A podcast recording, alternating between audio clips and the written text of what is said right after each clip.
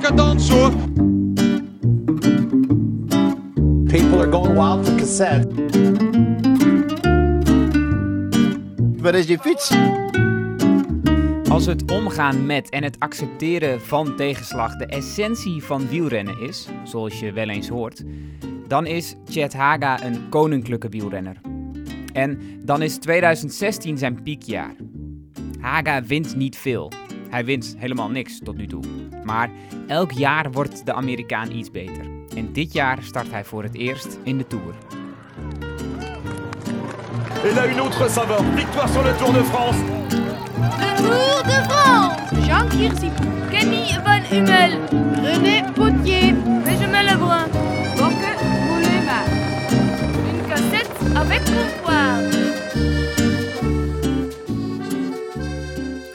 Dit is Cassette Koffiemolen.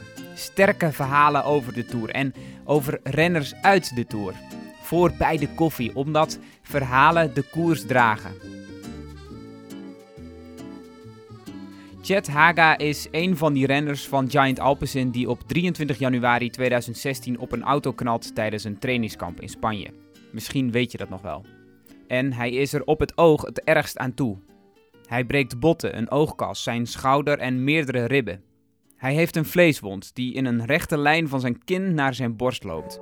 We came around the corner, or the the driver came around the corner, but um, the feeling that I remember is uh, just the initial reaction of like, she's in our lane, coming our way. What is this real? What's happening? Um, what do we do?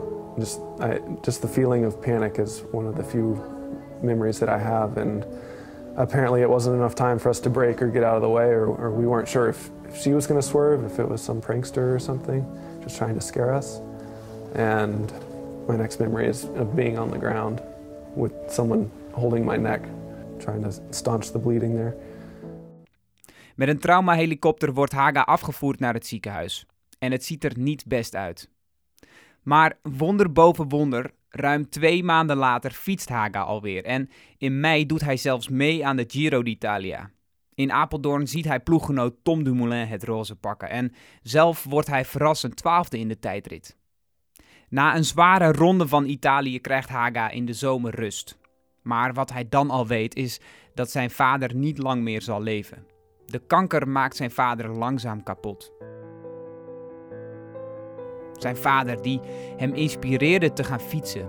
Want als Haga in 2014 kan kiezen voor een overstap naar Europa, is zijn vader al ziek.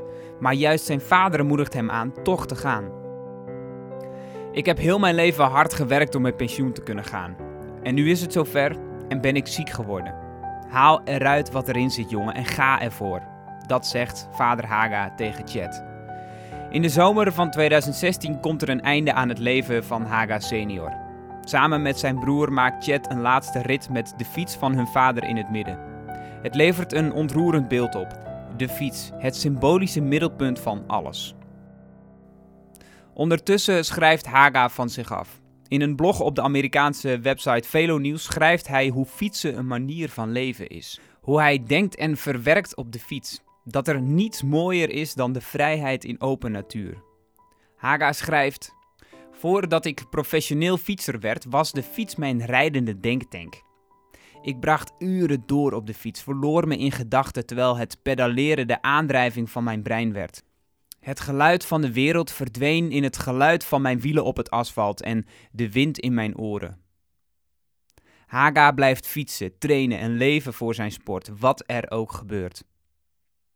Het is nog steeds 2016 en voor het eerst rijdt Haga twee grote rondes in één seizoen. In de ronde van Spanje komt Haga noodgedwongen langs de plek van het ongeluk uit januari. Hij heeft ineens geen kracht meer in zijn benen, voelt zich leeg en zwoegt om op tijd binnen te komen. Iets wat helemaal niet past bij iemand met de kwaliteiten van Haga. Maar opnieuw zet Haga door en hij fietst uit. Omdat er blijkbaar nog iets verwerkt moet worden op de plek van het ongeluk, gaat Haga na de koers opnieuw terug. En hij schrijft erover. Hoe dichter we bij die plek kwamen, hoe sneller mijn hart begon te kloppen en hoe meer mijn keel dichtkneep.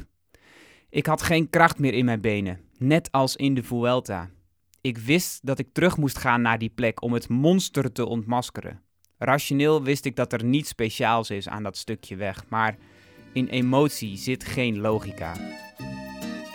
Haga finisht de Ronde van Spanje, mag voor het eerst meedoen aan het WK en sluit 2016 af door te trouwen met zijn grote liefde. In 2017 helpt hij Dumoulin naar de eindzege in de Giro en dit jaar komt zijn grote droom uit. Starten in de koers der koersen, de Tour de France.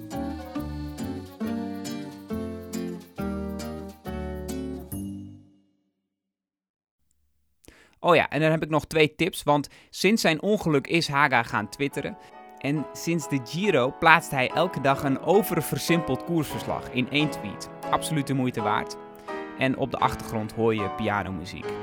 Haga speelt zelf namelijk piano. En als er in de lobby van een hotel een piano staat, dan speelt hij daar probleemloos een stuk van Rachmaninov op.